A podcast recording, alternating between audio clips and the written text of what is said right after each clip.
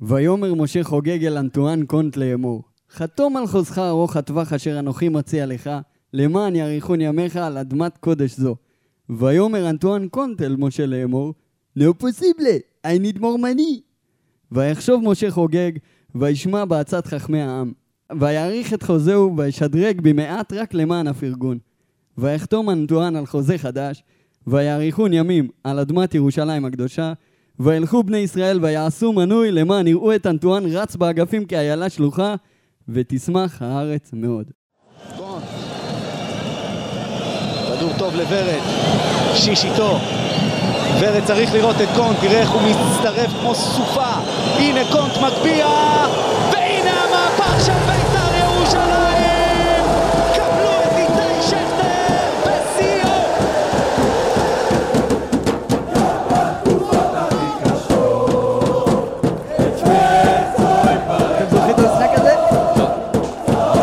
תקשיב, תקשיב.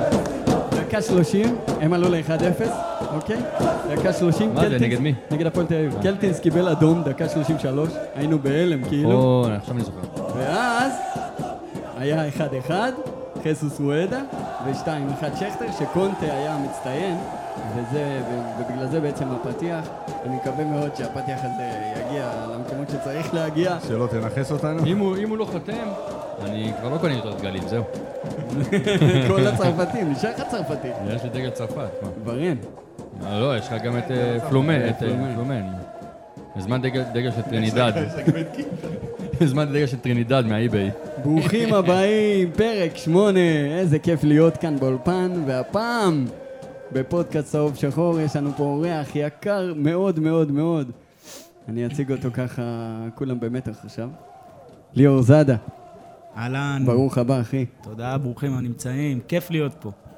אז ליאור זאדה זה בעצם אה, מאמן, אנחנו מגדירים אותו אחד הבכירים כרגע, מבחינתנו, כי אנחנו מכירים אותו אישית, והוא גם אימן אותנו. אתם משוחדים. כן, אז אה, ירושלמי, ככה כמו כולנו כאן. מסכן בצד הלא נכון, אבל בסדר. התחיל ב- בהפועל אתה אל ירושלים. תשרוף אותו, עוד לא התחיל הפודקאסט, אתה שורף אותו. התחיל בהפועל ירושלים, נוער עבר אחרי זה לבוגרים, קבוצה שבאמת אחת הטובות בארץ. אימן את, את האחים נקה שמדברים כל שבוע פה בפודקאסט בצהוב שחור, אימן אותנו בהפועל בקעת הירדן, ליאור זאדה. אחרי זה עבר לקטמון, משם, רגע, העלה אותם ליגות, מה? חד גם את משמעית. הפועל בקעת הירדן העלה ליגה. נכון מאוד. קבלן עליות, בקיצור. קבלן עליות. אה, בגלל זה לא נותנים לך ליגת העל, שלא תעלה לליגת האלופות. עבר, בקריית גת, במכבי קביליו יפו, אה, רמת השרון. מרמת השרון, הפועל רמת גן, אה, והפועל קטמון, שזה היה התחנה האחרונה. ליאור בעצם עלה את כל הליגות בישראל, ליאור, תקן אותי אם אני טועה, הוא עלה מג' לב' פעמיים, מב' לא' עם קטמון, מא' ללאומית עם קטמון, נכון? חסרה לי רק עלייה אחת הכי. משמעותית. רגע, מלאומית קצת לארצית? מתעכבת. מלאומית לארצית גם עם קטמון, לא? לא, לא, עם קריית גת. היה היה מ- מא' לזה, לא? מא' אה, לא. ללאומית עם קריית גת. ללאומית. והמאמן שגילה את אה, עלי מוחמד. תגיד, גם קנדיל. זה הפספוס הכי גדול. של רמת השרון, עד עכשיו הם, אה, טוענים, אבל אה, האמת שכיף להיות פה. אה, אני שומע ומאזין אה, לפודקאסטים האחרונים, הראשונים והאחרונים, והיה תענוג, וזו הזדמנות להגיד לכם בהצלחה, ושנמשיך לשמוע אתכם. כיף, יאללה, מתרגשים. תודה. תודה רבה, אנחנו יוצאים לדרך, כמובן, אנחנו נזכיר כל התפוצות שלנו ברשת, גם הפייסבוק, גם הטוויטר. אגב, בטוויטר אתם יכולים לראות את, ה, את היציאות שלי, שלי, בתכלס, בתכלס אני מטפל את זה, אז מדי פעם אני מסתלבט קצת על שחקנים ועל קבוצות שם, בטוויטר אתם יכולים לראות את הדחקות. באינסטגרם אתם יכולים לראות כל הגרפיקה שעולה, בפעם הראשונה היא עולה לגר... לאינסטגרם, ובפייסבוק אתם, אתם יודעים כבר, כי כולכם כבר חברים, ואנחנו עוד מעט ב-2500 חברים. אז תודה רבה. רוצים uh, להתחיל? רגע, טלפון.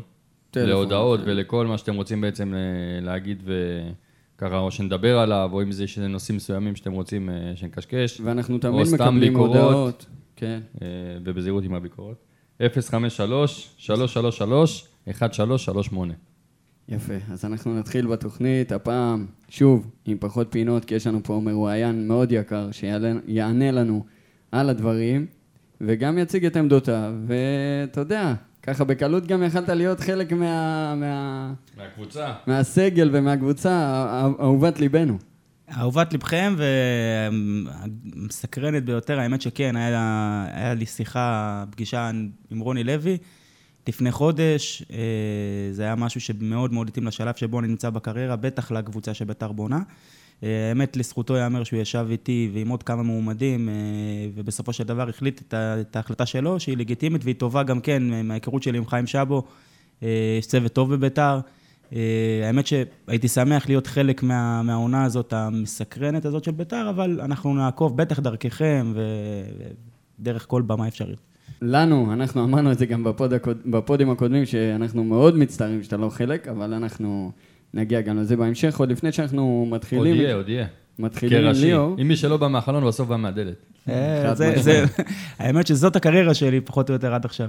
לבוא מהדלת ולא מהחלון. אני רוצה לתת כמה עדכונים ככה מהעת האחרונה. אה, גם, ביתר, סוף סוף, תראו אותה משחקת משחק אימון, כן? חמישי הקרוב מול אה, אשדוד, אני לא יודע בדיוק איפה זה יהיה, אני צריך לבדוק וגם אני אהיה שם בטוח. בשעה שמונה, בטח יעלו פרטים נוספים בהמשך. יום שני הבא, משחק הוקרה לזכר אוהד בית"ר שנפל בצוק איתן, אה, עידו בן ארי, זיכרונו לברכה, ברמת השרון בגונדמן. אה, מצטרפים אלינו שני שחקנים, שתכף ליאור גם ידבר, כי עברו גם תחת... אחד מהם עבר אצלו בקטמון. שניהם. שניהם, שניהם. לא, אחד ברמת השרון, אחד בקטמון, כן. אז אה, עדי תמיר ושלום אדרי, אנחנו נרחיב עליהם גם, כי דווקא אלה שהם לא ב spotlight, אנחנו ניתן להם את ההקדמה לזה, לאיך הם הגיעו בעצם. את הבמה. כן. אה, מאמן כושר חדש, ככה, מאז אני חושב דראו, אתם זוכרים דראו שהיה? בטח. מאז לא היה מאמן כושר כמו, זר, אתם יודעים, כמו שצריך בקבוצה, והוא בא ככה מעל הליגה, אה, מועדונים אה, נוספים, הוא היה גם עכשיו בארי סלוניקי, עבד בפרו, בכל מקרה. ברוך הבא, טלמו דה אנדרס, בן 49. ביאנבנידו. למדתי מילה ממושיק, מהשלט של דל ריו ואינדיו. אנחנו בעד אה, מאמן כושר זר, לא? אם הוא יהיה, כמו שביתר בתקופה של אה, דראו, ראו שיש שם משהו אחר. זאת אומרת, אני זוכר את השחקנים רצים בלי הפסקה, גם היה לנו שחקנים אנרג'ייזר, כמו פבריס פרננדז, אני הייתי בטוח שהוא על סמים, אני לא לא, לא משוכנע שהוא לא, אבל פשוט לא הפסיקו לרוץ, היינו רואים את החימום לפני המשחק, שהם היו כולם מתקבצים לקבוצה כן, ומתפרצים. אני לא אשכח את זה, זה היה נראה טוב. אה, הוא בא מאירופה וזה היה נראה ממש כאילו מהשנייה הראשונה. שמע, אסור לנו אבל להסתנבר משם ספרדים, כל הסקסיות שבדבר. כן. בסוף צריך לראות שהבן אדם נותן תפוקות, אני מניח שרוני מכיר אותו מהליגה היוונית, ו... אבל בואו נראה, הלוואי. יוסי הביא אותו, בטח עשה תחקירים. ליאור, איך זה כאילו לעבוד, אם פתאום מנחיתים לך מישהו זר, אתה יודע, אם זה מאמן כושר או מאמן שוערים, פתאום אומרים לך, בוא, זה, תתחילו לעבוד ביחד. למרות שבטוח היה לו say אבל. שמע, מאמן, מאמן כושר, קודם כל, זה הדמות המקצועית הכי שנואה על שחקני כדורגל. הם לא, הם לא אוהבים מאמני כושר והם מקבלים כל אחד בח, בחשדנות. אה, אבל שבא, זה, זה העניין שמגיע מישהו זר, אז אתה יודע, ישר מנסים להבין כמה ידע יש לו, ואם הוא הגיע לארץ ואיזה קבוצות הוא עבר, אז כנראה שיש לו ידע אחר, ואז כל כבוד. דבר שהוא אומר... וכל דבר שהוא מבקש, השחקנים כבר מתייחסים לזה בדרך אחרת. יש פה מאמני כושר בשנים האחרונות שהגיעו, במיוחד מכבי תל אביב, הצוות, ודראו שהזכרתם אותו, שהם אה, מאמני כושר מאוד מאוד בכירים. בנושא הזה של כושר גופני, יש לנו הרבה מה ללמוד, ואני חושב שזה מבורך. אני מעריך גם שרוני יודע ובדק יחד עם יוסי, והם הביאו איש מקצוע ברמה גבוהה. אז אה, אוקיי, בקשר למינויים, כרגע אנחנו עומדים על 3,600 ככה בהערכה די גסה, דברים שעלו ברשת לאחרונה, 3600 שזה עדיין אה, סוג של אה, בדיחה. ויש גם שמועות ש, שזה הרבה יותר. עכשיו, אם תיכנס גם ל, ללאן, באיצטדיון, אתה תראה באזורים שכמעט הכל תפוס. לא, זה עוד שמור, זה עוד אופציה למחדשים. כן, אתה לא יכול, אתה לא יכול... אבל עדיין זה לא תואם את המספרים, אני לא יודע, לא, אני לא יודע. יש לך שמור כבר 8,000, לא, אז אם זה רק מערבי, נניח 4,000 מנויים אה, רק במערבי שמור. קח את המזרחי שכבר עשו מנויים. אני חושב עוד יומיים ישתחרר המנויים לכולם, מתי? שבוע הבא ישתחרר המנויים לכולם, ואז אתה תתן את התמונה היותר אה, אמיתית. מבחינת הבית"ריסט, שזה הפרויקט שחוגג, שהוא לקח מה, מה, מהרגע שהוא הגיע, לפני כמה חודשים בעצם, 12,000 אה, כרגע רכשו בית"ריסט בערך, אה, וזה עוד יעלה, אני מאמין. יפה, אני יש לי חברים שבכלל לא אוהדים בית"ר ועשו בית"ריסט. כן, זה יפה, זה התרומה הקטנה שהיא... נותנת המון למועדון, זה גם אמירה מעבר לתשעה שקלים כמובן. אה, וזהו, אפשר גם לרכוש אה, גם את המנוי במזומן אם אתם רוצים. אה, המועדון פתח ביציע המערבי קופה בטדי, אפשר לשלם גם על, גם על הבית"ריסט, גם על המנוי, ימים שני, שלישי ורביעי, בין השעות 12 ל-8 בערב, ככה מי שחשב שאי אפשר במזומן, שקצת קשה לו להתנהל מול לאן, וזה בכלל אפיזודה בפני עצמה, אז אה, זה המקום שלכם. מוביל אותי לדבר הבא, וככה דיברנו על זה בתוכנית האחרונה, אנחנו לא נרחיב יותר מדי, אבל אנטואן קונט, שהפתיח מי היה אמור, אנטואן בשבילו, קונט. וגם איתמר ניצן, אה, יש דיבור על הארכת חוזה, אבל זה מתעכב משום מה, ופעם אחרונה שהתעכב הארכת חוזה, אתם יודעים איך זה נגמר. אני חושב שקונט, אני לא, לא מניח שקונטה זה מקרה כמו קלטינס. קלטינס זה היה סיפור אחר לגמרי. קונטה זה... זה הוא, בוא נגיד ככה, אני חושב שהשנה הוא יישאר בביתר בכל מקרה. גם אם חוגג לא יצליח להאריך לו את החוזה, הוא לא יאמר למכור אותו, ואם הוא כן ימכור אותו, זה לא יהיה לקבוצה בארץ. אני לא חושב שהוא יעשה את הטעות הזאת עוד פעם. אל תשכח ש... לא, אבל אם הפועל באר שבע לא מביא מגן ימני נורמלי, אז... אם הוא ימכור אותו להפועל באר שבע, אלחמיד עכשיו הוא לא. בקבוצה, הוא כנראה הולך לחו"ל. סלטיק, מה הדיבור עליו? אני לא יודע. לא, הוא לא הולך והוא יישאר וזה שטויות. אבל אם הוא לא יישאר, אז... אה, אז זה לקרוא יקרה. את גני או טיבי. ב- דגני בלם, טיבי בלם. דגני בא- אלחמיד גם? דגני בא לביתר. לא יודע. אנחנו למרות שיבואו, בלם אנחנו טוב, גם, את זה, גם את זה אנחנו נעלה בהמשך. טוב, ליאור, מה העניינים? תענוג, הכל בסדר. הרבה זמן פנוי לאחרונה, ויאללה, כיף לדבר על כדורגל. יפה, אז, בואו בוא נתחיל ב, בשנה שעברה בעצם, שזה היה, תשמע, בוא נגיד, אני, אני לא יודע, אנחנו בינינו אמרנו בעיטה בדלי, חד משמעית. והתקופה בקטמון, זה היה נראה כמו דהירה של נתניה של לפני שנתיים, ואיכשהו זה הכל פתאום נכנס לאיזושהי מערבולת, שהיה קשה לצאת ממנה. כן, האמת היא שכל ה... בכלל הקריירה והשנים האחרונות היו ככה בכיוון של להגיע לעונה הזאת. בטח העונה הראשונה בקטמון, להגיע לעונה שעברה ולעשות את העלייה הזאת. אה, התחיל טוב, אני חושב שבנינו טוב, נראינו טוב, עשינו תחילת עונה נהדרת. אה, היה נראה לכולם, לצוות המקצועי, להנהלה, לאוהדים, לאוהבי כדורגל, כל מי שרואה ליגה לאומית, שאנחנו על הדרך הבטוחה לעלות ליגה, יצאנו לפגרת חורף, פגרת שזרוע, שזה, אגב, רק בכדורגל שלנו, אני לא טועה. יצאנו לפגרת שזרוע, שזרוע עם שש נקודות יתרון, ולא חזרנו משם. אה, ש- האמת היא, הסברים יש מפה עד הודעה חדשה, אבל זה היה כישלון. בסופו של דבר זו הייתה העונה הכי מאכזבת שלי, היה לי חלום. אתם, אה, יש, רוב החברים שלי הם אוהדי בית"ר, כי אני גדלתי כירושלמי, אבל הח- החלום שלי היה גדול להעלות את הפועל קטמון לליגת העל, בעיקר לחוות את הדרבי הזה כמאמן. אני, אם יש, יש לי זיכרון ילדות אה, בכדורגל, זה, זה אולי הפעמים הראשונות שהלכתי למשחקים שהאבא וה, ואחי לקחו אותי, זה היה הדרבי באימקה. אני זוכר את כל הדרבים שהיו באימקה, אני זוכר את האווירה שהייתה שם, יש הרבה מאוד אוהדי בית"ר שלא לא ראו את זה, והרבה אוהדי אה, הפועל ירושלים של הצד האדום שלא חוו את זה. אין, אין אווירה יותר טובה מדרבי, אין כיף כזה. זה היה החלום הכי גדול שלי להיות המאמן הראשון אה, של קטמון שעומד בדרבי, מקבל את הקללות מהמזרחי, מהמערבי, ממכם, אבל אה, זו חוויה שחלמתי עליה, פספסנו את זה. אה, כמו כל קריירה של מאמן כדורגל, צריך לדעת לעבור את הכישלונות האלה ואת המשברים האלה, כי מהם, צומחים, וללכת לאתגר הבא, ליעד הבא, קצת מנוחה, לומדים, ונחזור, נחזור חזקים יותר כמו שעשינו תמיד. אני, אני חושב, כשראיתי את קטמון באמת בתחילת השנה שעברה, וגם בכלל את הקבוצות שלך, רואים שזה זה אימון, זה בעיניי לפחות, אני עוד פעם, אני משוחד, חבר והכול, אבל באמת ברמה אחרת. קטמון נראו בחצי שנה הראשונה של הליגה, כאילו הם באמת מעל הליגה. אתה אומר נתניה שלפני שנתיים, משהו כזה, לפני שלוש שנים. אה, הם באמת, הם היו קבוצה, הם דרסו, הם שיחקו כדורגל יותר טוב מכל אה, יתר הקבוצות, לדעתי, בי פאר. מבחינת כדורגל, עזוב רגע... ועוד יתחזקו בהמשך. אה, בסופו של דבר זה היה בעוכרינו, כי אני, רגע, סליחה ליאור, לפני שאתה זה, אני בכל זאת אומר, ואני אמרתי את זה גם הרבה הזדמנויות בעבר, אם ליאור, אי אפשר לבדוק את זה, אבל אם ליאור היה נשאר, אני בטוח שקטמון היו עולים, כי, יש לא יודע. יש לי הרגשה שהיית יודע להתמודד עם המשבר ולהוציא אותם משם, למרות שזה היה כדור שלג, ולמרות שזה התגלגל.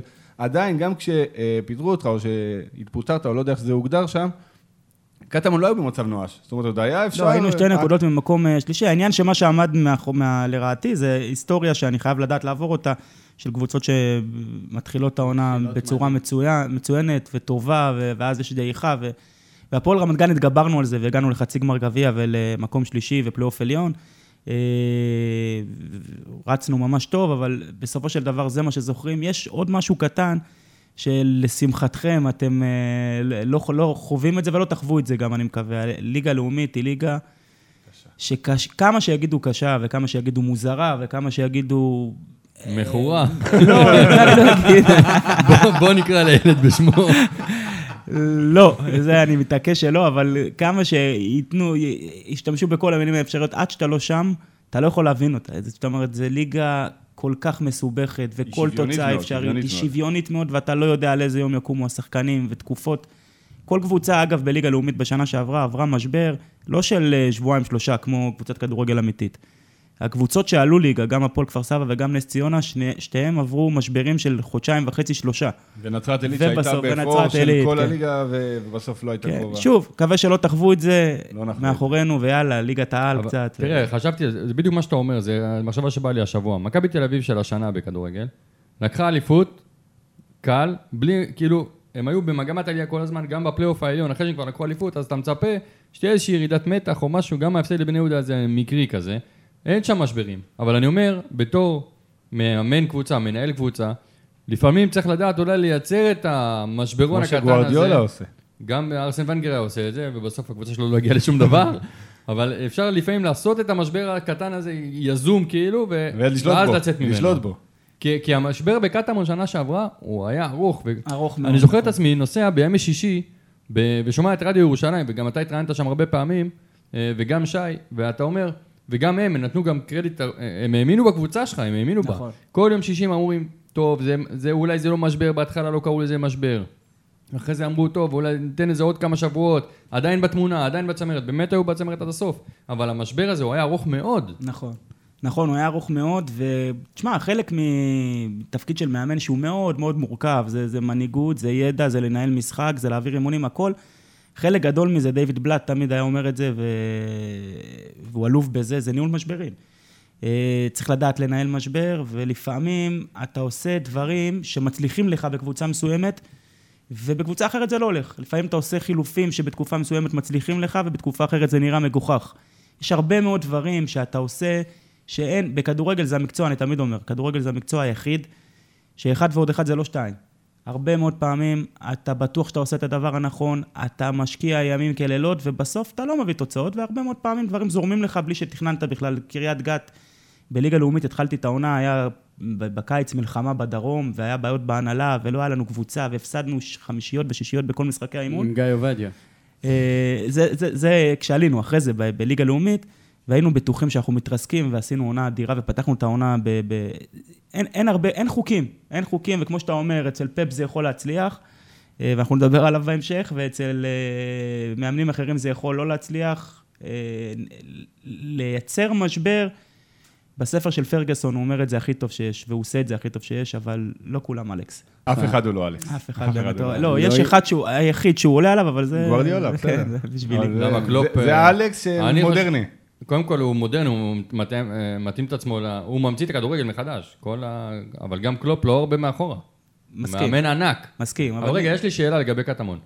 לפני שעזבת את הקבוצה, באמת עכשיו, עם יד על הלב, האמנת שאתה יכול לה- להוציא אותה מהמשבר העמוק הזה שהיה לה?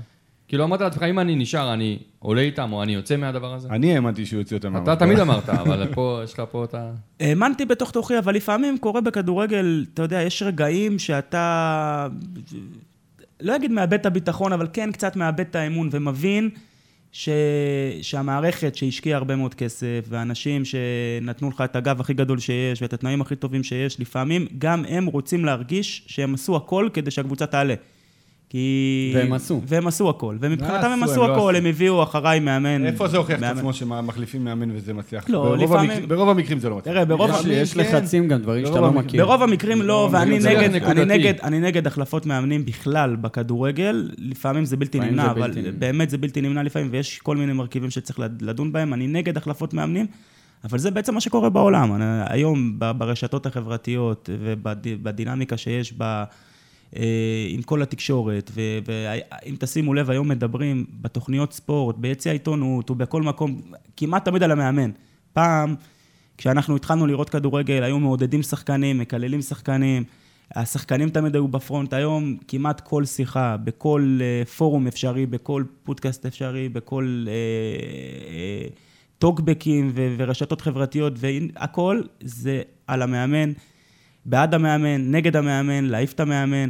בסופו של דבר זה מוריד קצת לחץ מהשחקנים, ואני חושב שזה, אני מקווה שהמגמה הזאת קצת תשתנה. היד חושב קלה על ההדק, ראית את זה בליגת העל. עכשיו, בשנה שעברה, שזה- 36 מאמנים פוטרו. ובליגה לאומית לא אפילו, אלא- כן, ובליגה. לאומית אפילו יותר. זה תוצר של, ה... לדעתי, של הבעלים. תשמע, אני מרגיש כאילו הבעלים הרבה פעמים, הוא רוצה לרצות את הקהל. עזוב רוצה לעשות את הקהל, מכוון את האש כלפי המאמן שלו. אני, בליגת העל אני מדבר, בסדר? זה זה ממש מרגיש כאילו איזי בקריית שמונה, אם משהו לא הולך, אז מכוון את החצים למאמנים שלו, וג'קי באשדוד, ואתה יודע, בכל מיני מקומות, לא יודע, זה מרגיש לי, זה נכון, המאמן יותר מדי על, ה, על המוקד, כאילו עושים הנחות לשחקנים, אומרים, אה, האשמה היא של המאמן כל הזמן, אז זה לא, לא תמיד אין פה ככה. החתמות לחמש, לא תראה החתמות לחמש שנים. לא מדבר עכשיו על לא, אה, תרבות. פרגוסון זה- 20 שנה זה בקבוצה. תרבות זה אחרת, זה תרבות אחרת, אבל מה שכן, אני חייב להיות כן, כן ולהוד- ולהודות שאני עבדתי במקום, באמת, מבחינתי, בטח בליגה לאומית, עם הרבה מאוד סבלנות ודרך ואורך רוח, לפעמים גם, גם להם. בסוף זה יצליח להם.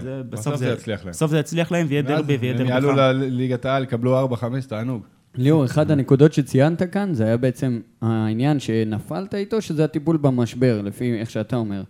אני רוצה שאוהדי בית"ר שמקשיבים לנו עכשיו, ינסו, לפחות ינסו להבין מה הם הפסידו, בעצם מה, מה, מה הם החוזקות שלך? בתור מאמן. שמע, קודם כל, אה, יש הבדל, אני כל החיים, אני 18 שנה מאמן, ויש הבדל גדול בין להיות מאמן ראשי, אה, ועשיתי, אני חושב, את כל התפקידים האפשריים, כולל מנהל מקצועי ומאמן ילדים והכול. היה משהו שרציתי ל- ללכת בכיוון אחר של עוזר מאמן, אה, לחוות את זה. קודם כל לחוות את זה, לראות, אני יודע מה מאמן צריך. אחרי הרבה מאוד שנים על הקו, אני יודע כמה שקט המאמן צריך, באיזה דברים הוא צריך להתעסק, כמה יש לו על הראש, מה אפשר להוריד ממנו. אה, אני מרגיש גם שהשילוב, ב- חשבתי והרגשתי שהשילוב ביני לבין רוני יכול להיות טוב, גם מבחינת זה של הרבה מאוד התעסקויות אה, שלי, בעיקר בצד ההתקפי, אה, בתבניות התקפה, ביצירתיות, בדברים ש- שחשבתי שאני כן יכול לעזור לו.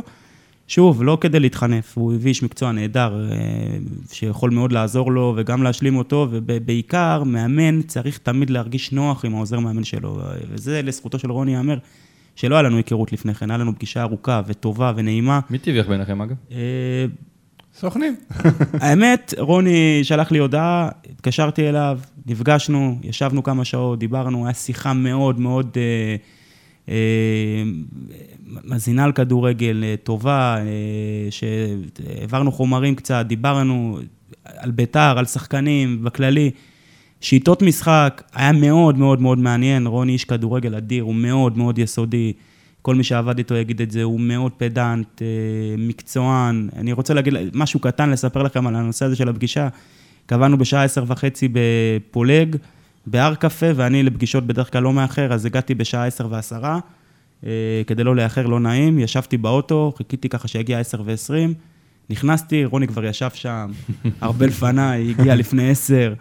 זה מראה על המקצוענות שלו, וכולם יספרו לכם כמה הוא מקצוען, בית"ר בידיים טובות, באמת. זה לא מבטיח הצלחה, ובטוח שאם זה לא ילך, אז יבוא, יגיעו הביקורות, אבל בית"ר בידיים טובות. מעניין- מעניין איך הוא יסתדר, אתה מדבר על הפדנטיות ועל, ה, ועל הסדר ועל המשמעת שיש, שידוע שיש לרוני לוי, מעניין איך זה יסתדר עם כל הדריבליסטים של, של ביתר זה מבחינה בדיוק, טקטית, זה כאילו, בדיוק מה זה שרציתי. השאלה הבאה לליאור, באמת, אם אתה, עכשיו בוא, קטמון, שים בצד, הכל בסדר. רגע, בוא- רגע, אני רוצה עוד שאלה בוא- אחת על קטמון לפני שאתה די, ממשיך. עזוב אותי מקטמון. שאלה קטנה. אנחנו בואו נלך, פודקאסט לא, לשם גם- מה התכנסנו? לא, היא- קשורה. גם לביתר, היא קשורה גם לביתר, בעקיפין אולי. סתם שאלה מסקרנות, ליאור, תענה לו אולי- קצר, נו. אולי- קצר. אולי אתה גם לא חייב לענות, באמת. עד כמה השינוי של ינואר, עם השחקנים שהביאו, עם האקס ביתר, שמושיק ועוז חולים עליו, עד כמה הוא עזר או לא עזר לקטמון בסוף? אז רגע, אני רוצה לחבר, סליחה ליאור, אני רוצה לחבר את זה לשאלה שלי, תענה על שתיהם, תענה מחובר איך שאתה רוצה. איך מאמן, אתה, היה לך את זה עם ערן לוי, היה לך את זה גם עם אה, ראובן עובד, כל מיני בעבר, איך מאמן ואיך היום רוני לוי בביתר אה, מתמודד עם כוכבים. בסדר? הנה, בא לך זה- בינואר כוכב, ולרוני יש אה, ים אגו וכוכבים בקבוצה, ובוא, איך הוא מתמודד זה עם נושא בפני עצמו. אגב, גם לרוני וגם לי, כולם בסוף מתבגרים ומבינים תוך כדי תנועה, ו- וזה ללמוד את זה גם, וזה כיף לדעת, וזה אתגר אדיר לעבוד עם כוכב. אם היית אומר לי בחודש נובמבר שאנחנו נביא את ערן לוי לקטמון, הייתי, הייתי מעיף אותך מהמדרגות, אומר לך שזה הכי לא מתאים בעולם.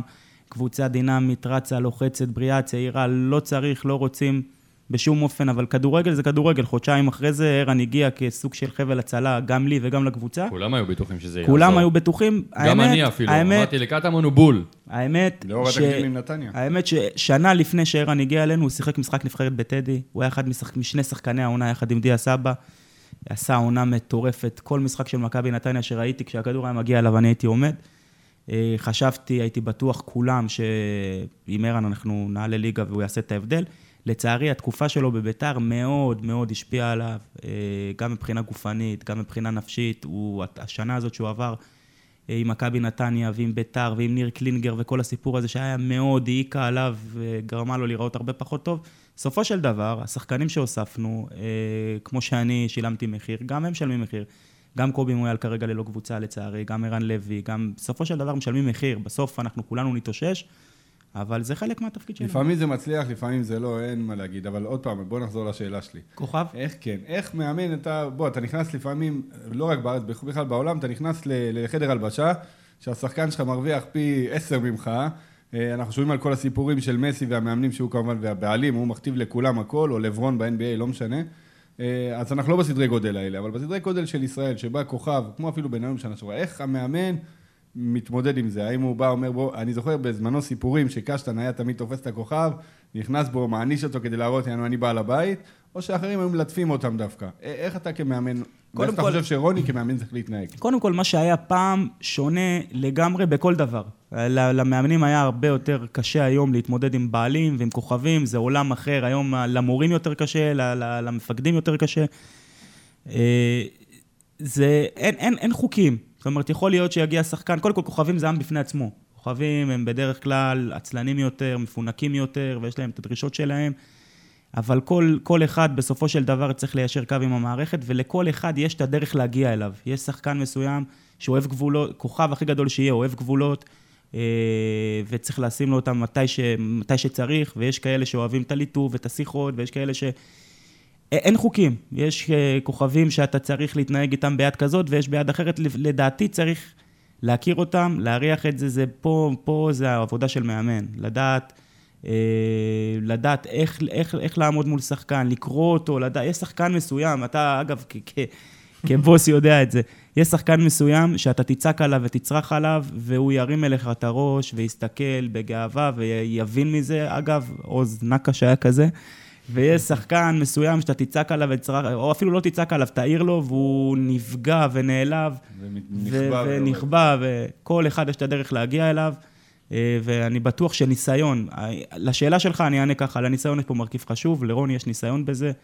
אני מעריך ומאמין שיש לו גם את העזרה של יוסי ואלי, שני כוכבי ענק שהיו, שניהם כוכבים אדירים. שני, גם רוני בעצמו היה, אבל יוסי ואלי היו שני כוכבים אדירים, שיכולים לעזור, גם שיש שניים כאלה בתמונה. אגב, לכוכבים עצמם, אה, יותר קל ליישר קו, תראה איך, ערך זידן, אגב, בריאל מדריד. דרך אגב, לפני שאתה, דיברת על זה, אבל לפני שאתה טקטיקן טוב ומתעסק הרבה בזה, אתה צריך לנהל אנשים לנהל בסוף. אנשים, אתה שזה- בסוף מנהל אנשים. זה המפתח לכל, עליהם. אגב, מבחינתי ברק. אבוקסיס, דרך אגב, דיבר על זה גם. אבוקסיס נהדר בזה, ברק בכר בשלוש שנים שלו בבאר שבע, באליפות, גם שנה שעברה אגב, שהיו הרבה משברים, ולא לא ראית יותר מדי דברים יוצאים. אה, גם ברק יודע לנהל נהדר, חוץ מזה שהוא מאמן טוב. לנהל זה עולם אחר, ויש אגב מאמנים שהם אדירים, זאת אומרת, הם, הם מאמנים אה, מבחינה מתודית ו- ואימונים טובים, ומנהלים, מבינים כדורגל ברמה הכי גבוהה, אבל יש להם בעיה של יחסי אנוש וניהול, בזה אתה יכול ליפול. אפשר תמיד להשתפר בזה. העידן הזה של, אה, אני אקח דוגמא את רפואה, אתה אל תגיד כי הוא קולגה, אבל הצורכים האלה הקווים, וזה כבר לא, זה עבר מן העולם, זה כבר אי אפשר להתנהג גיא ככה. לוזון. גיא לוזון גם אותו דבר. אני עדיין. חושב שכל אחד, תראה את אה. גטוסו. גטוסו במילאן, אם אתה לא עושה טעות, הוא משתולל מוריד לך את הראש. לא. לא, וסימונה לא משתולל. אה, לא, לא, אני- חושב שהיום יש גם את סימונה זה, משתולל וזה גישה. ומלהיב, הוא לא משתולל שמע, בעצבים. שגיא לוזון השתולל והצליח בעבר, אז אמרו איזה יופי, איך הוא...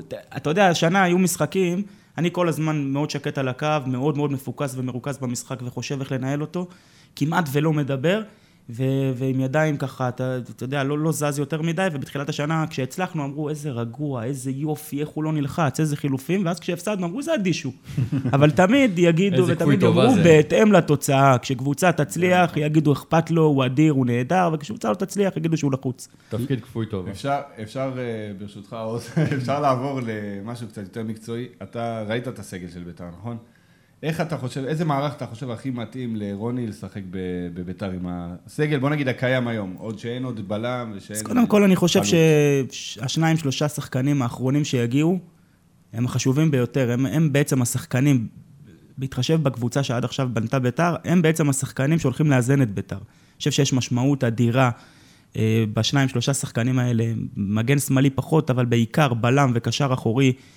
הם השחקנים שיראו לאיזה כיוון ביתר הולכת השנה. אה, אם זה קבוצה מהנה, צמרת, או קבוצה שבאמת ת- תיתן פייט למכבי תל אביב על האליפות. כי, לבית, כי זה שני שחקנים שבדיוק אמורים לאזן את הקבוצה שבנתה ביתר. אם יגיע בלם, ואגב, אני בטוח שהם לא ממהרים, כי במנחיתים, אני יודע שלמאמן בליגה לאומית, כל שעה שולחים וואטסאפ עם שם של, של זר, אז אני מעריך שרוני, יוסי ואלי מקבלים כל היום מבול של הצעות לזרים, והם לא ימהרו עד שהם לא ימצאו את הבלם ואת הקשר האחורי. ביתר זקוקה לבלם מהיר, טוב, חזק, ובעיקר, בעיקר לדעתי, לקשר אחורי גרזן, בסגנון הוגו, בסגנון... אם תשימו לב לקבוצות שהצליחו, אז... זה מה שמוחמד אמור אז לעשות, לא? לא, ממש לא. בזמנו. אם תשימו לב, אז אה, ג'ון הוגו היה השש של באר שבע, אלברמן. אלברמן וגלאזר היו בתקופות הטובות של זה, דראו בזמנו, בואוטנק פעם, ביתר זקוקה לשש. רוצח, חזק, אגרסיבי, כי כל השחקנים בביתר, אף אחד הוא לא שש, חוץ מעדי תמיר אגב, אף אחד הוא לא שש טבעי. עלי מוחמד הוא 50-50, מיכאל אוחנה הוא כזה, אייבינדר במהות שלו הוא כזה. אה, קלטינס היה היחידי, בגלל זה אני אגב חושב שהשחרור של קלטינס, בוא נשים בצד רגע את העניין שהוא שחקן בית וכל מה שהם מקצועי נטו, או קלטינס או אייבינדר, אחד מהם היה כן צריך ללכת, כדי שביתר תביא, ואני בטוח שאם ביתר תביא אחד כזה ותפגע בינגו, וואו, איזה קבוצה הם יהיו. אתה, אה, ליאור, עברו תחתיך הר- הרבה שחקנים, וגם ידוע ששחקנים איתך בתור מאמן יש חיבור טוב. אנחנו מדברים פה על ממושיק. מערך... אנחנו מדברים פה על מערך של ביתר ועל שחקנים שהיא צריכה להביא. יש לך איזה שחקן שאתה, מהשנים האחרונות, אומר, זה הבינגו, שאף אחד לא שם עליו את ה spotlight, ואני חושב שהוא יכול היום להיכנס להרכב של ביתר. קשה, קשה מאוד. ה- האמנתי בליגה לאומית. אה, אגב, עדי תמיר, נראה לי, באמת, אני דווקא שמעתי ששלום אדרי הוא כישרון יוצא... אני- אני תכף אדבר עליו, גם אה, ליאור, אבל עדי תמיר הוא באמת שש מצוין, הוא כן, גם הוא, שחקן נהדר והוא ילד טוב, ותראו, ביתר. עדיין, זה, זה מועדון, מה זה עדיין? ביתר זה מועדון אדיר, בטח בעונה כזאת עם סיר לחץ ו- ו- ועם שחקנים איכותיים מאוד.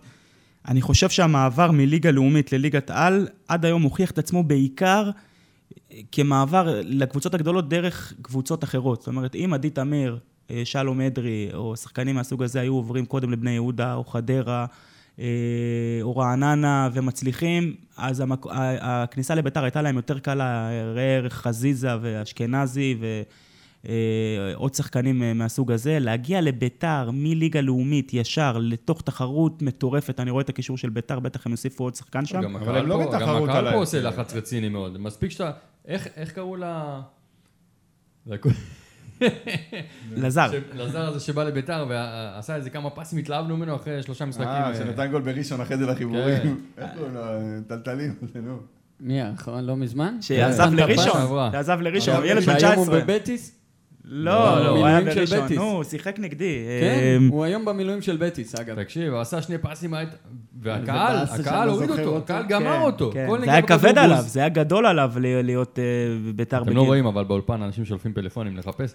אה, כאילו הקהל, ברגע שהקהל גם, שור- זה דבר שאני בחיים לא אבין. קהל ששורק בוז לשחקן, כאילו, מה יצא מהשחקן אם תשרוק לו בוז? זה לא יגרום למאמן להחליף אותו. בוא זה תחנך לא את הקהל כשהוא בדופק של... אה, לא, זה ברור, אבל צריך בסוף. אתה רוצה נכון. לעזור לקבוצה שלך, אתה נכון. לא רוצה... כן, מצד שני. אנשים, אתה יודע, ככה הם מביעים את להתפרק, אה, את מורת רוחם או קורת רוחם, אם, אה, תלוי בסיטואציה. פול אדגר. באים- פול אדגר, כן, עדיין. אגב, שלום ועדי הם שחקנים מאוד מוכשרים. שלום הוא שחקן, יש לו ברגליים, לפני חמש שנים, כשאני קיבלתי את, ראש, את אה, רמת השרון, הוא היה אמור להיות באמת אחד השחקנים, העתיד של, של המדינה. רג, יש לו טכניקה מטורפת, אחד על אחד. הוא נפל בדברים הקטנים, אתם יודעים, של חיים לא ספורטיביים, קצת בילויים, קצת אה, דברים כאלה, אבל בסופו של דבר הוא עשה עונה טובה בליגה א', הוא מאוד מאוד מוכשר. גם עדי תמיר עשה דרך יפה וארוכה מליגה א' לליגה לאומית, כמה שנים. עשה הסבה, הוא היה בלם, עשיתי לו הסבה בהפועל רמת גן לקשר אחורי, הוא מאוד מאוד חכם. עדיין זה קשה מאוד בעונה כזאת לבוא ול, ולהצליח בביתר. מבחינתם זה ווין ווין. במקרה הגרוע ביותר, הם, הם, ש, בינואר הם יהיו סחורה חמה מאוד בליגה לאומית, ואם הם ייתנו משחק וחצי טוב בביתר, הם יהיו גם סחורה חמה בליגת העל. בתחתית ליגת העל. בדיוק. אז אני- אז אני מבחינתם זה ווין ווין. שנייה, כמה מילים על אה, שלום אדרי, שהגיע אלינו, אמרת שיש פה עניין של פרובלמטי מעט, אז אני קצת הסתכלתי ב- ב- בעבר שלו בקריירה, היה לו, היה לו כמה דברים, כאילו... גדל הוא- בשכונה לא פשוטה, הוא לא... לא- הוא נראה לי הולך לתת פייט לחלילה על מלך הצהובים הבא. למה לפי מה שאני בדקתי, היה לו עונה אחת בכפר כנא שהוא עבר אליה, בשנת 2016. הוא שיחק חצי, חצי עונה ראשונה בכפר שלם, חצי עונה שנייה בכפר כנא. ב-14 משחקים הוא ספג 12, משחק, אה, 12 כרטיסים. כמוני. שזה לא יאומן, זה, זה כל משחק כרטיס, אחד מהם היה אדום, ו-11 כרטיסים צהובים. דרך היה לו אגב, זה מה ריב- שהיה חסר לך בשנה שעברה בביתר. שנה שעברה, שנה שעברה היה לו איזה ריב עם, אה, עם מישהו מכפר קאסם, אם אני לא טועה, בחופים, והוא פרש מהחופים. קיצר, אה, מדובר בשחקן שמבקיע שערים, שיש לו כישרון שבא- ברגליים, והרבה אמרו את זה, הוא גם חתם בנתניה לא מזמן, כש, כשהם היו ב- בליגה התחתונה, אה, אבל איכשהו זה תמיד התמסמס, אני מקווה שוואלה, גביע הטוטו, וכאלה מפעלים, זה המקומות... נכון, הוא. קיבל פה הזדמנות חייו בגיל, אה, שבאמת זו הזדמנות אחרונה שלו, גיל 25, לקבל בקבוצה כמו ביתר, אני חושב שגם לחיים שבו, שמכיר אותו מרמת השרון, והוא בן טיפוחיו, ויש פה חלק גדול בהבאה שלו, והוא חייב לו הרבה.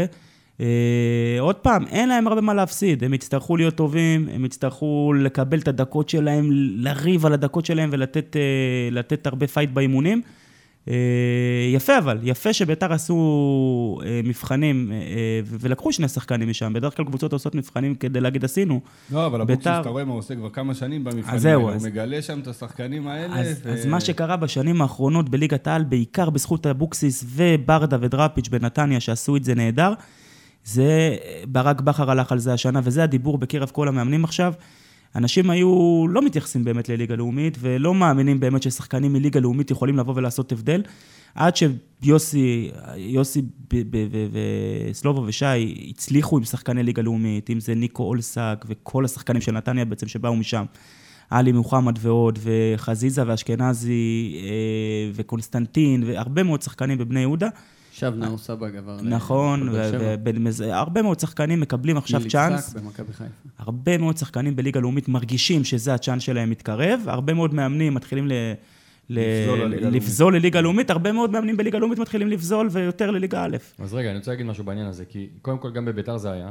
אה, ברק יצחק הגיע מיבנה בזמנו. אצילי? מליקסון. מליקסון הגיע גם, אה, מליקסון מליקסון מיבנה. לא, מ- כן, אה, הוא מאשקלון הגיע. בדיוק, ברק אה, יצחקי. מאשקלון. כן, אבל אתה חוזר הם- הם 15 עשו מ- שנה, סליחה, לא, אתה נכון, חוזר הרבה מאוד שנים. הדוגמאות שלך הם מלפני 15 שנה, זה אומר דרשני, בדיוק. לא, אתה חוזר לדידו. אין בעיה, בסדר, אבל אני אומר, בקשר לשחקנים האלה, סער סעדו. אני לא יודע אם הם יהיו, אם הם ישחקו השנה בביתר בכלל, כי, כי יכול להיות שמה שעושים פה בביתר עכשיו, אני לא יודע, זה סתם אה, מחשבה שעלתה לי אתמול בלילה, יכול להיות, הרי מה מכבי תל אביב עשו? הם משקיעים כבר 10-12 שנה אחורה עם הניהול החדש, עושים עבודה נהדרת עם הנוער, ועובדה, יש להם מלא מלא מושאלים אפילו בליגת העל, לא רק בליגות הנמוכות יותר, ו, ועכשיו הם קוצרים את הפירות של זה. אז ביתר, כאילו קנו את השחקנים האלה, המוכשרים והטובים שעוד לא עשו את הפריצה, יכול להיות שהם עכשיו יושאלו לקבוצות קטנות יותר בליגה, בליגת העל, ישתפשפו, גם ירוויחו דקות, זה גם ווין ווין, כי בסוף, להגיע לליגת העל זה, כמו שאתה אומר בעצמך, זה לא ליגה לאומית. אז לבוא ועכשיו לתת עונה טובה ב... לא יודע, בנס ציונה או ברעננה, ואז בסוף, ביתר גם מבחינה כלכלית אולי עשתה צעד טוב, היא תוכל למכור אותם, בעצם היא עשתה קיצור תהליך מה שמכבי תל אביב עושה. אבל אם הם לא ישחקו, איך ימכרו אותם? לא, אז אני אומר, אם. אם אתה משאיל אותם, אז חלק מההסכם זה דקות משחק, אני מניח. אז אתה כן יכול להשביח אותם בקבוצה אחרת. כמו דרך אגב, שמכבי תל אביב עשו עכשיו עם אה, אה, המגן שמאלי אצל בני יהודה, איך קוראים לו? בלטקסה. אותו דבר, מי שמע עליו? ליאור, אנחנו הבנו ממך שהמנטור שלך בר- ברמה העולמית זה פפ גוארדיולה, מאמן מנצ'סטר סיטי, אבל ברמת, ברמה המקומית, יש איזה מישהו שאתה אומר, אני ממנו הכי מחזיק, המאמן הישראלי, שהוא מבחינתי המודל לחיקוי שלי? אה, שמע, קודם כל, יש, יש לי חברים למקצוע, שאני מאוד אוהב להחליף איתם אה, אה, שיחות ו, ו, וכד, ושיחות רבות על כדורגל ועל טקטיקות והכול. פחות מישהו שאני מעריץ, אה, אני מאוד מאוד מחזיק ואוהב את, אה, את שי ברדה ממכבי נתניה, שהוא חבר קרוב שלי, אה, מוח אדיר בכדורגל, הרבה מאוד מאמנים מתייעצים איתו. אה, מאוד מאוד אוהב את ההבנה שלו ואת איך שהוא רואה את המשחק. אה, יש הרבה מאוד מאמנים שאני מעריך בארץ, אבל אם תשים לב, אה, בכדורגל הישראלי, אה, תחזור אחורה, אה, כמעט תמיד דיברו על מאמנים תקופות מסוימות. הייתה תקופה שאמרו שגיא לוזון זה הדבר הבא, אחרי זה אמרו רן בן שמעון זה הדבר הבא, אחרי זה אמרו רוני לוי זה הדבר הבא, ואז בא ברק, ולפני כן גוטמן, ומאמנים זה הרבה מאוד עניין של מומנטום. אה, ברק בכר לקח שלוש אליפויות בהפועל באר שבע, ואני רוצה להגיד לכם שהעונה, אם תשאלו אותו, אני לא דיברתי איתו, הוא יגיד לכם שהעונה שעברה הייתה העונה הכי משמעותית שלו, והכי חשובה. כן, שמעו את זה, הוא אמר את זה בכמה רעיונות. והכי חשובה שלו. אה, מאמן לא הולך ונהיה, אם הוא חרוץ והוא לומד, הוא לא הולך ונהיה פחות טוב, גם אם ההישגים שלו הם פחות. יש הרבה מאוד עניין של מומנטום, של דינמיקה. אה, אני בטוח שרן בן שמעון הוא לא מאמן פחות טוב ממה שהוא היה בקריית שמונה שהוא לקח אליפות. לפעמים מעריכים אותם יותר מדי על סמך הצלחה, ולפעמים אה, שוחטים אותם מהר מאוד על סמך עונה או שתיים פחות טובות. אה, אני לא בוחן על פי תוצאות, לפחות מהבחינה שלי, את ה, את ה, כמה אני מחזיק ממאמנים אחרים. אה, עם שי אנחנו חברים עוד אה, בתקופה שהוא היה מאמן בית"ר תל אביב. שי שי התראיין ב- אצל אה, יוספוביץ' בפודיום, הוא- אני חושב שזו פעם שנייה, והוא נתן, הם דיברו רק על אה, נוער ומחלקת נוער. אחד הפודקאסטים היה- באמת המעניינים. היה פרק מצוין. אני ש... לא, לא הכרתי אותו ברמה הזאת של לשמוע אותו, הוא גם מדבר על, על הנוער וכל הדברים האלה, אבל כמה דברים אתה שומע, אתה לוקח משם תובנות. ועכשיו אתה אומר, יש, יש אנשים כמו שי ברדה שמכירים ויודעים את הדברים האלה, אז למה זה לא מספיק מיושם? למה הכדורגל שלנו עדיין מתרחק מאירופה? למה הם? עזבו את ביתר? זו השאלה, יא אללה. הם אני לא עוד יחזרו. שמע, הם מצוינים, הם באמת, הם מוכיחים את עצמם בכל דרך אפשרית. לא, זה באמת, זה, זה ברמת ה... עזוב רגע תוצאות, כמו שלי אומר, ברמת ההבנה, אתה שומע בן אדם שמבין על מה הוא מדבר. המהות של המשחק. לגמרי, לגמרי, אני באמת אה, התרשמתי חבל. ויש עוד הרבה כמוהו שפחות מוכרים. אז בוא זה- תגיד זה- לנו בעולם, אמרת פפ גוורדיולה, בוא, למה פפ גוורדיולה? מה, מה הוא מבחינתך מסמל כמאמן? פפ מבחינתי מסמן התקפה. זאת אומרת, הוא... הרעיונות שהוא מביא לתוך המשחק, והוא, והוא מייצר רעיונות, חושב על דברים מסוימים, והוא מביא אותם לתוך המשחק דרך האימונים, זה מבחינתי גאונות. זאת אומרת, אה, לבוא ולהכניס פתאום מגנים לאמצע, ו- ולהוריד עוד שחקן להגנה ולייצר יתרון מספרי בהגנה.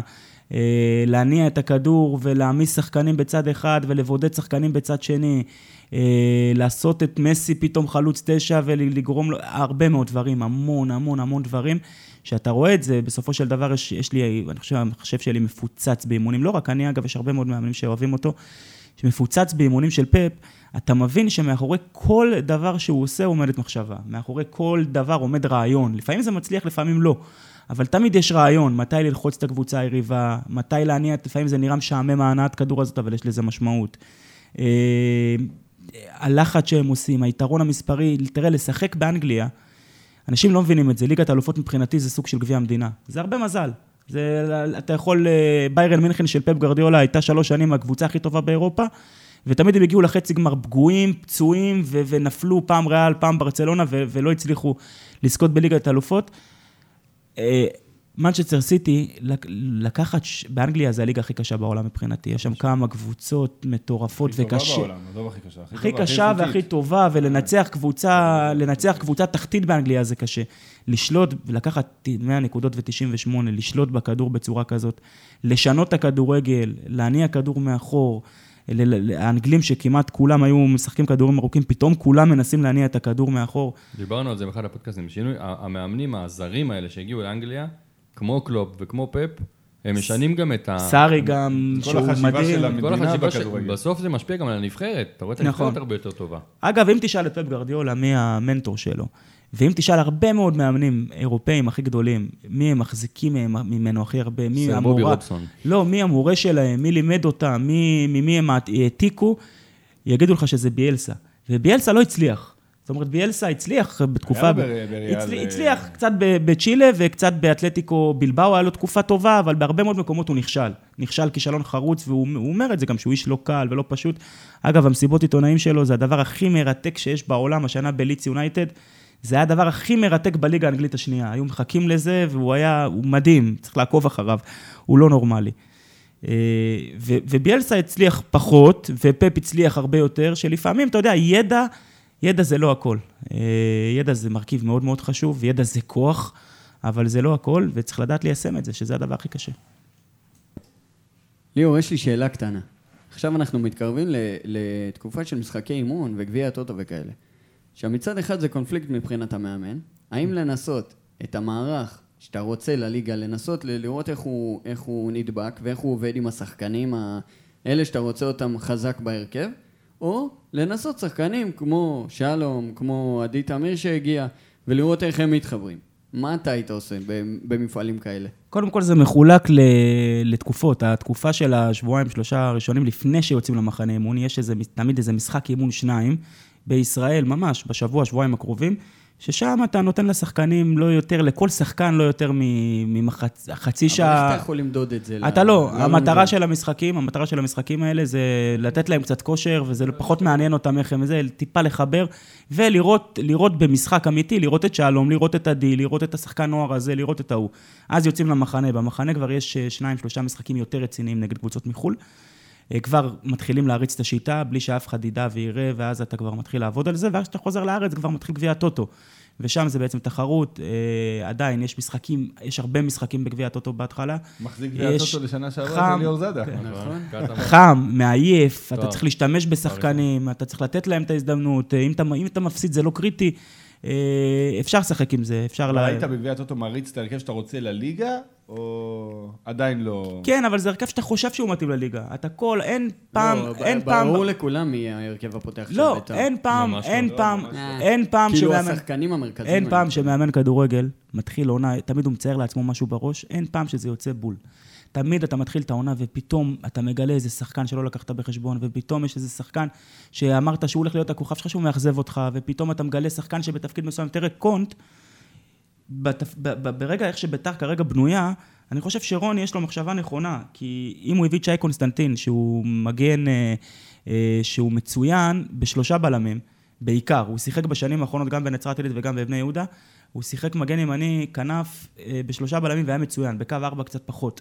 זה יכול להיות שאם אתה מוריד את קונט לבלם שלישי, אה, ושם את שי קונסטנטין, בצד ימין, אז אתה משחק עם שני קשרים, שאז בעצם זה יכול להיות מוחמד וקינדה כשני קשרים אחוריים, ואתה יוצר איזשהו יתרון. אה, זה מחשבה אחת. מחשבה שנייה יכולה להיות ש... תשמע, אולי הוא ינסה את קונט בקשר אחורי.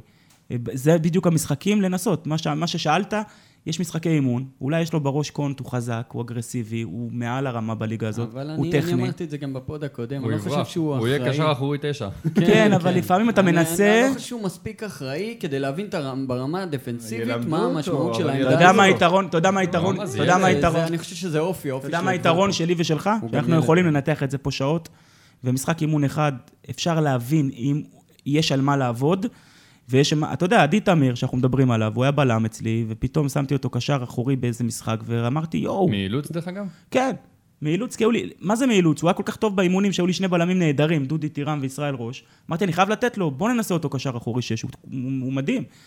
והוא היה מדהים. פתאום אתה מגלה שלשחקן הזה יש דברים קטנים שאתה צריך לשפר בעמידה, דברים קטנים במחשבה, ויש שחקנים שאתה נותן להם תפקיד אחר, ואתה מהר מבין שזה לא זה. קלטינס למשל לא יודע לשחק באף תפקיד. כן, תגיד, מאמנים בישראל ובכלל, כאילו זה, זה מעניין. יש, יש איזה הכשרות, איזה דברים שהם עושים ב, בשוטף. תוך כדי השנה, כן. לומדים ממאמנים מחו"ל, כן. הם משתתפים בהשתלמויות. יש כל הזמן השתלמויות, כל הזמן, הבעיה היא שאתה יודע, מי, ש, מי מי שנמצא... מעביר אותם? מה זה השתלמות? לא, יש כל הזמן השתלמויות בחו"ל, של אנשים שהם פנויים, או תקופות מסוימות נוסעים להשתלמות בחו"ל. אני- יש הרבה מאוד הרצאות, ההתאחדות לכדורגל אה, ואיגוד המאמנים מביא כל פעם מרצים אחרים, פעם ספרדים, פעם גרמנים, פעם כל מיני כאלה. יש הרצאות של אנשים מהארץ, אה, פעם ברק הגיע, פעם רן בן שמעון, פעם אה, אלי גוטמן, כל פעם מעבירים. בעיקר, בעיקר, בעיקר זה החלפת ידע אחד מהשני. החלפת חוויות וידע.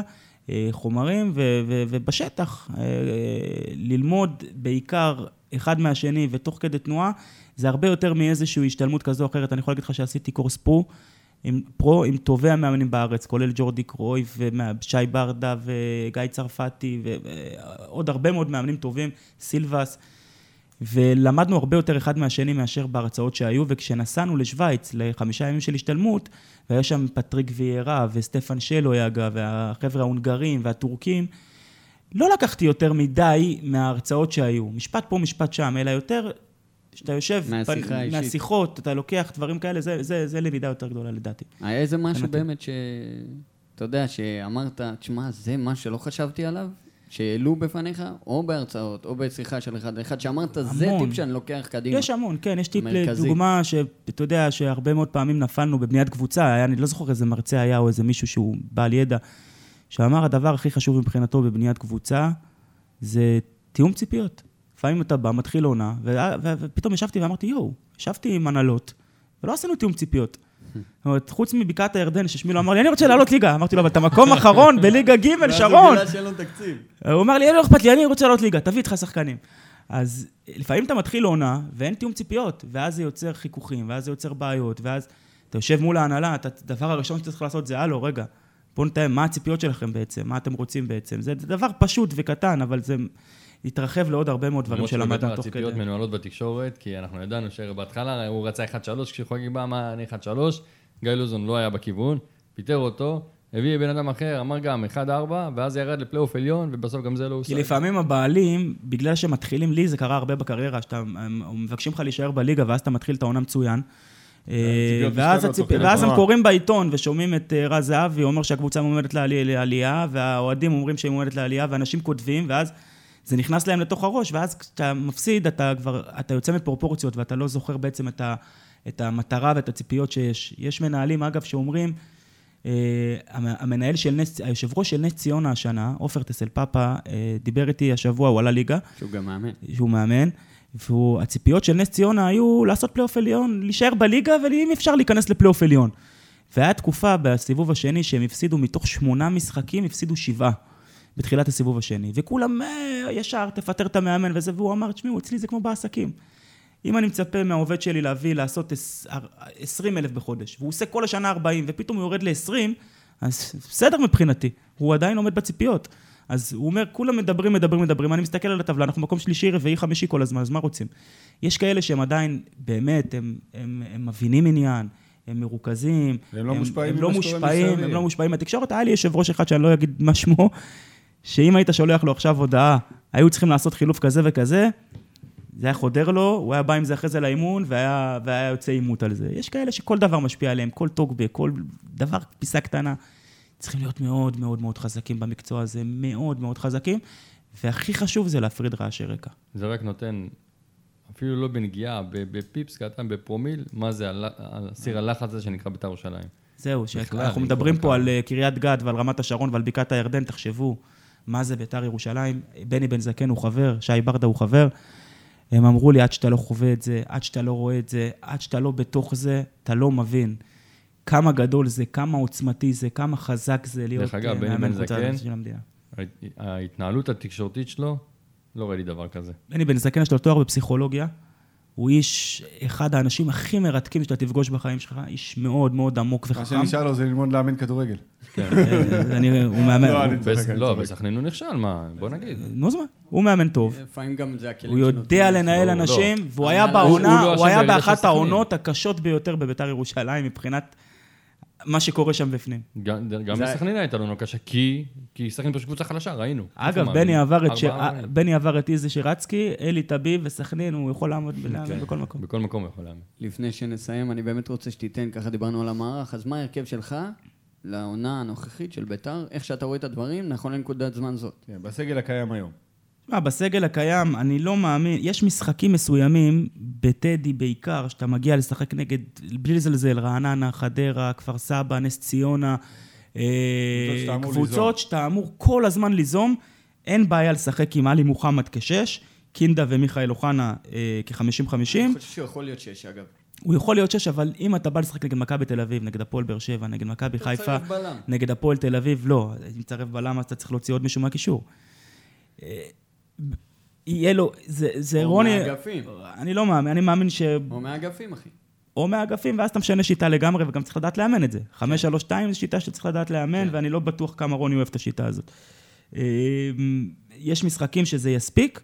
למשחקים הגדולים, ביתר צריכה, כמו שאמרתי, קילר, רוצח באמצע, ואז מבחינתי מיכאל אוחנה, קינדה ומוחמד, שניים מהם נאבק- נאבקים על שלושה מקומות, שזה לא דיברנו עוד על קריאה ואייבינדר, אבל בעונה ארוכה עם פציעות והרחקות. ואז מי הגרזן שהם נאבקים על שני מקומות?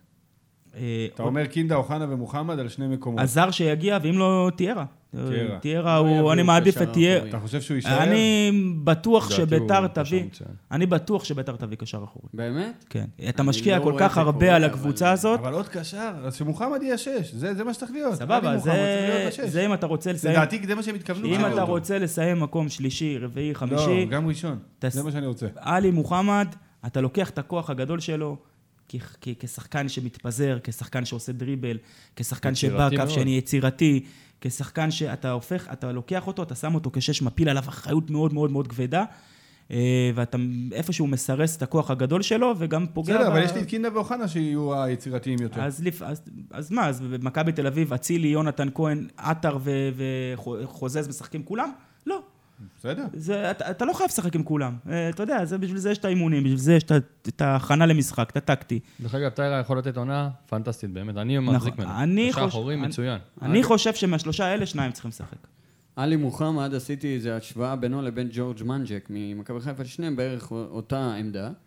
אה, אם תראי בחילוצי כדור, הוא עשה, הם שיחקו בערך אותו זמן על הדשא, 200 חילוצי כדור לעלי מוחמד לעומת 165 לג'ורג' מנג'ק, וחילוצי כדור בחצי היריבה, 73 מוחמד ו-54 מנג'ק. לא זה הבדלים רק- משמעותיים. לא, לא, אבל מוחמד היחיד- מחלץ קדימה, זה ידוע. היחיד, הקשר. האחורי, היחיד, ובדקתי את זה, ש, שחילץ, והמספרים שלו יותר טובים כמעט בכל פרמטר, יש לומר, הוא, נראה אתכם, מכבי תל אביב, כמו שהיה בנתניה. פררה?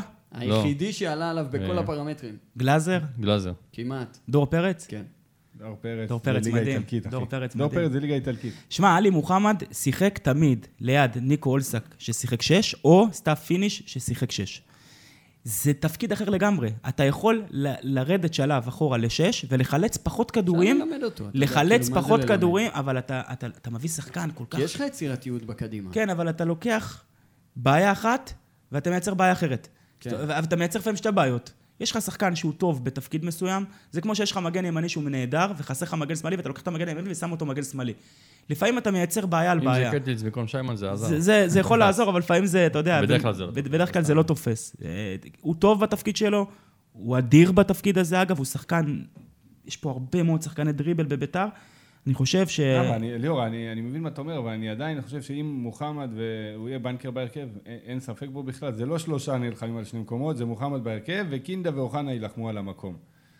אה, זה נראה לי עלול ליצור פה איזה... קינדה ואוחנה. יילחמו עם ורד. למה? ורד בכלל לא בלם. ורד ורד נלחם עם גרסיה, ו- וגרסיה יכול נכון, לעלות לשפיץ, ואז נכון. ורד ישחק בכנף. נכון. רגע, רגע, ביתר, אה, לא ביתר. רוצה, ביתר רוצה להתקדם, ביתר מועדון גדול. למה מכבי תל אביב יכולים לשבת על הספסל, לא, שחקנים עם ש... אה, חד משמעית. מדהימים, ברמה מאוד מאוד גבוהה, רוטציה, מה, שוב, דיברת, על אה, תיאום ציפיות, זה בדיוק זה.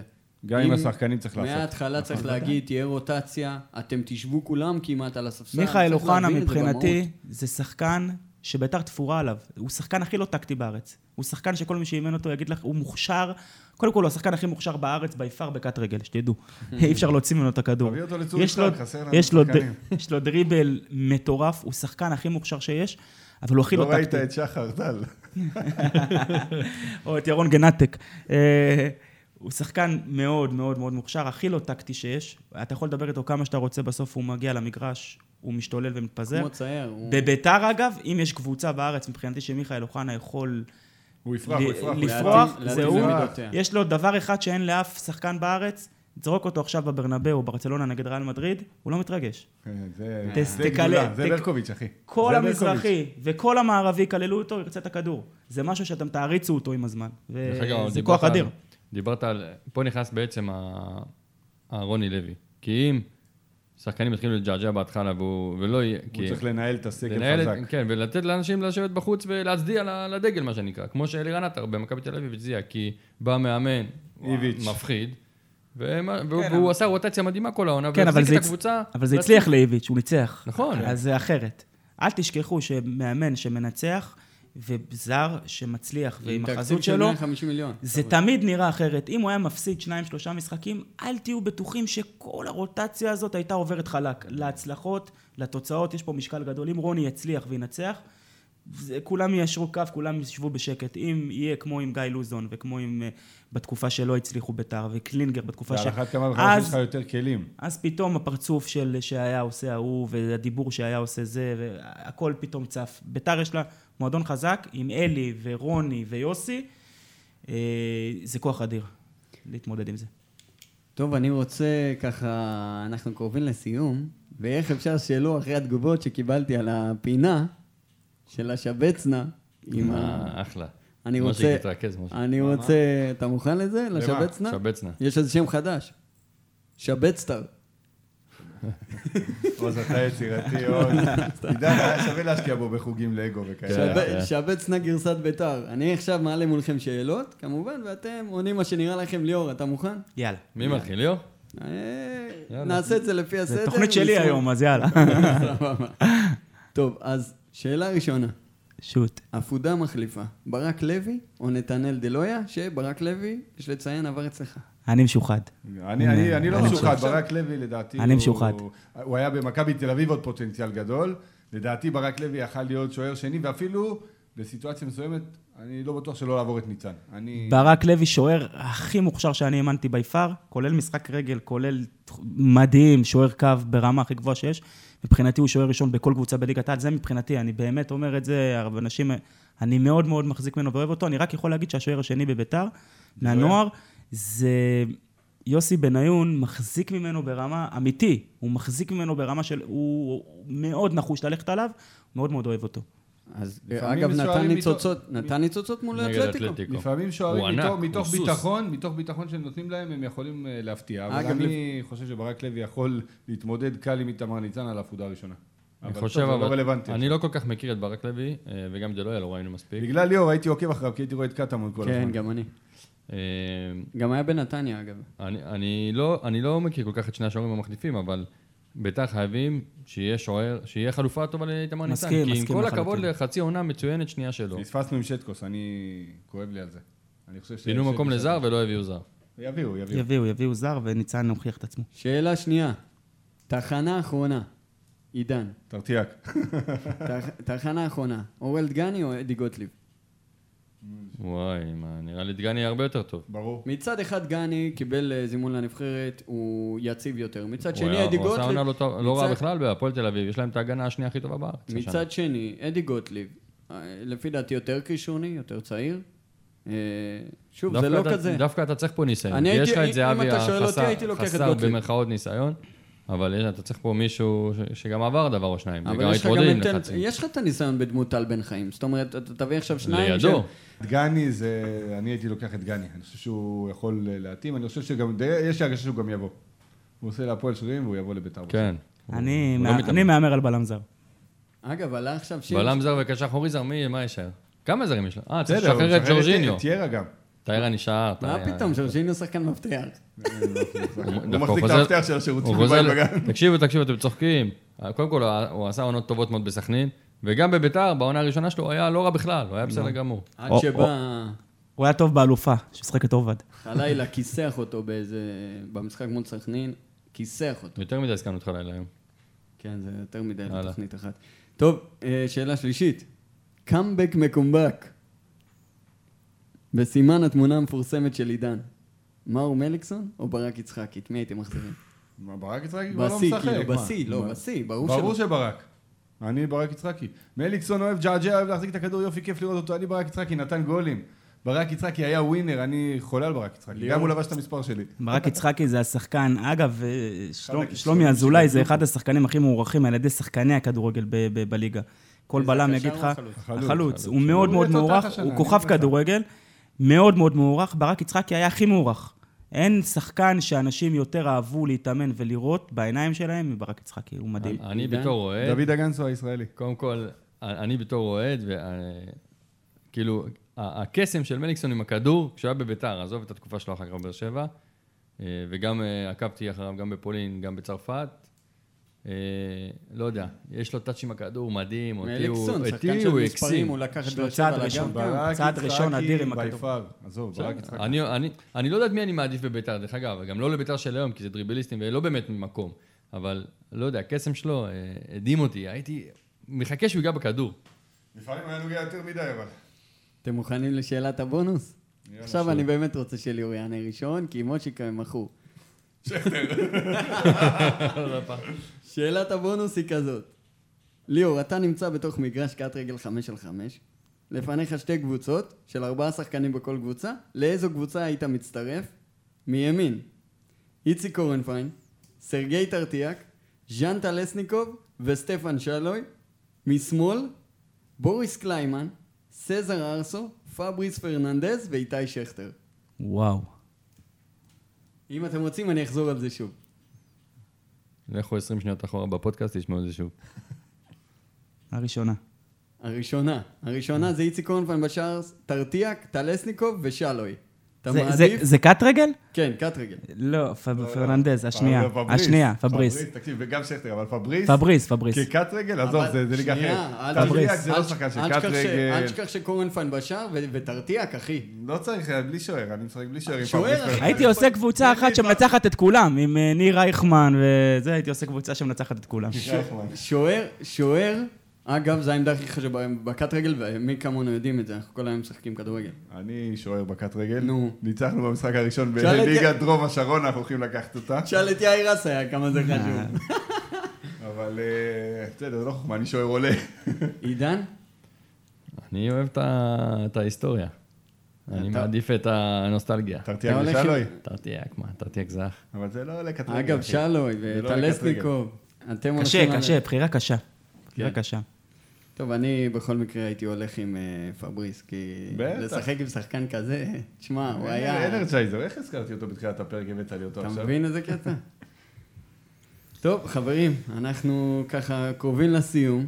אתה אומר את זה כבר עשר דקות, המאזינים ילכו. אני רוצה, אני, אני רוצה קודם כל להגיד אה, המון תודה לליאור זאדה, שהגעת. תודה לכם, אני חייב להגיד שהיה לי כיף, היה מדהים, באמת היה לי כיף, היה לי לעונג. תמיד מוזמן להגיע, אה, אם יש לך... אה, צערו, אני אגיע. לא, תביא- תביא לגמרי. איתך תובנות ותבוא. תמיד. בטח אחרי שיתחילו המשחקים. שתדע לך שיש לך פה מיקרופון רביעי, פתוח, כיף, מתי כיף. שאתה רוצה. חוויה, באמת חוויה. תודה רבה שהגעת, תודה רבה על הזמן שהקדשת לנו, על האג'נדה שלך, שאני, אתה יודע, עכשיו אני, אני מאמין ומקווה שהאוהדים של בית"ר יבינו, טיפה אולי, מה, פספסנו. אולי- אה, אולי עוד יקרה, בעזרת השם. יקרה, יקרה בעזרת אני, השם. אני מאוד מקווה להמשך. עוד עוד כשאימן אותנו ב- בבקעת הירדן, אמרתי לך, פעם לא זוכר אם אתה זוכר את זה, כן. יום אחד אתה תגיע לביתר ירושלים, יום אחד אתה תגיע, אל תשכח אותנו. עידן, בלי סיפורים בקטרדן, אחרי זה ליאור יספר מה היה לי איתו במשחק הראשון. לא צריך, לא צריך.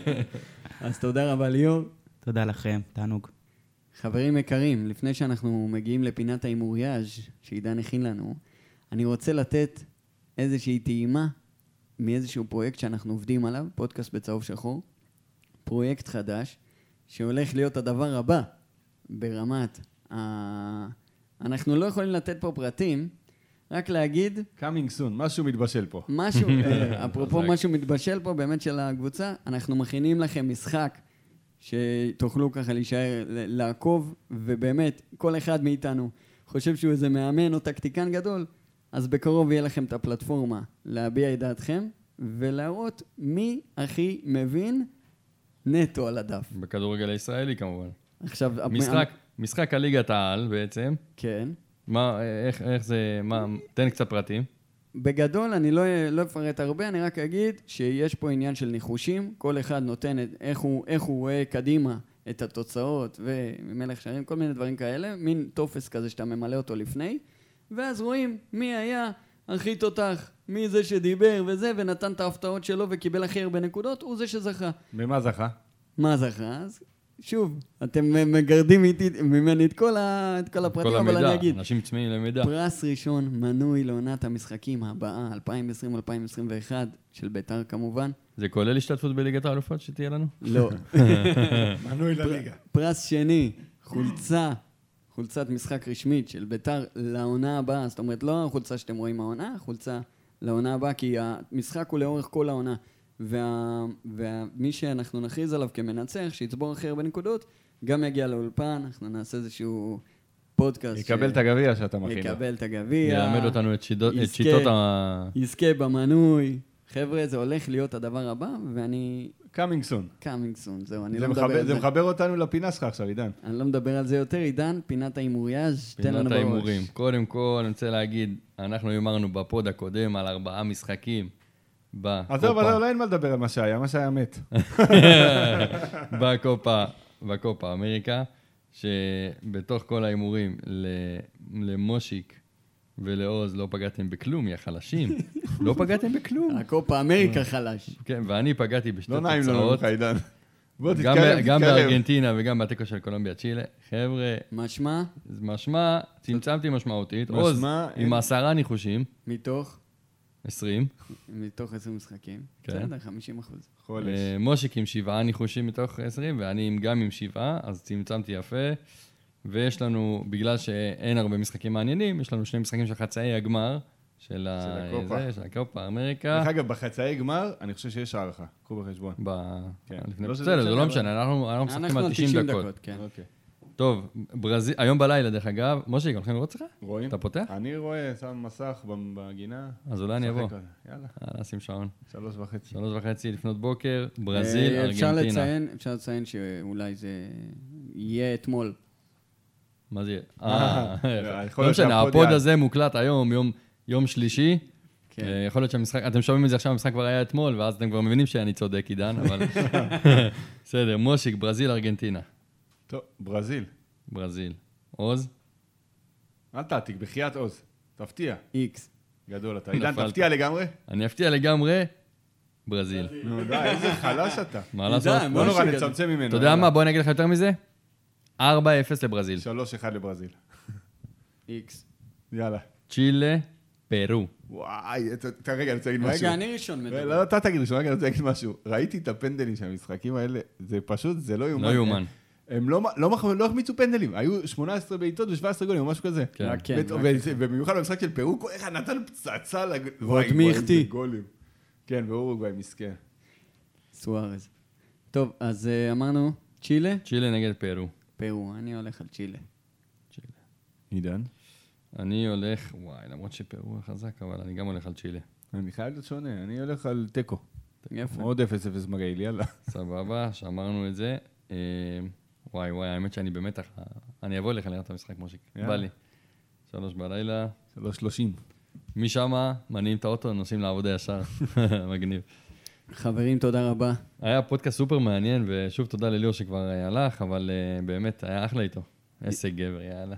תודה רבה לך, עידן. תודה רבה, מושיק. עוז, סחטיין. יאללה ביתר, חבר'ה. נתראה בשבוע הבא. כל טוב. יאללה, ביתר.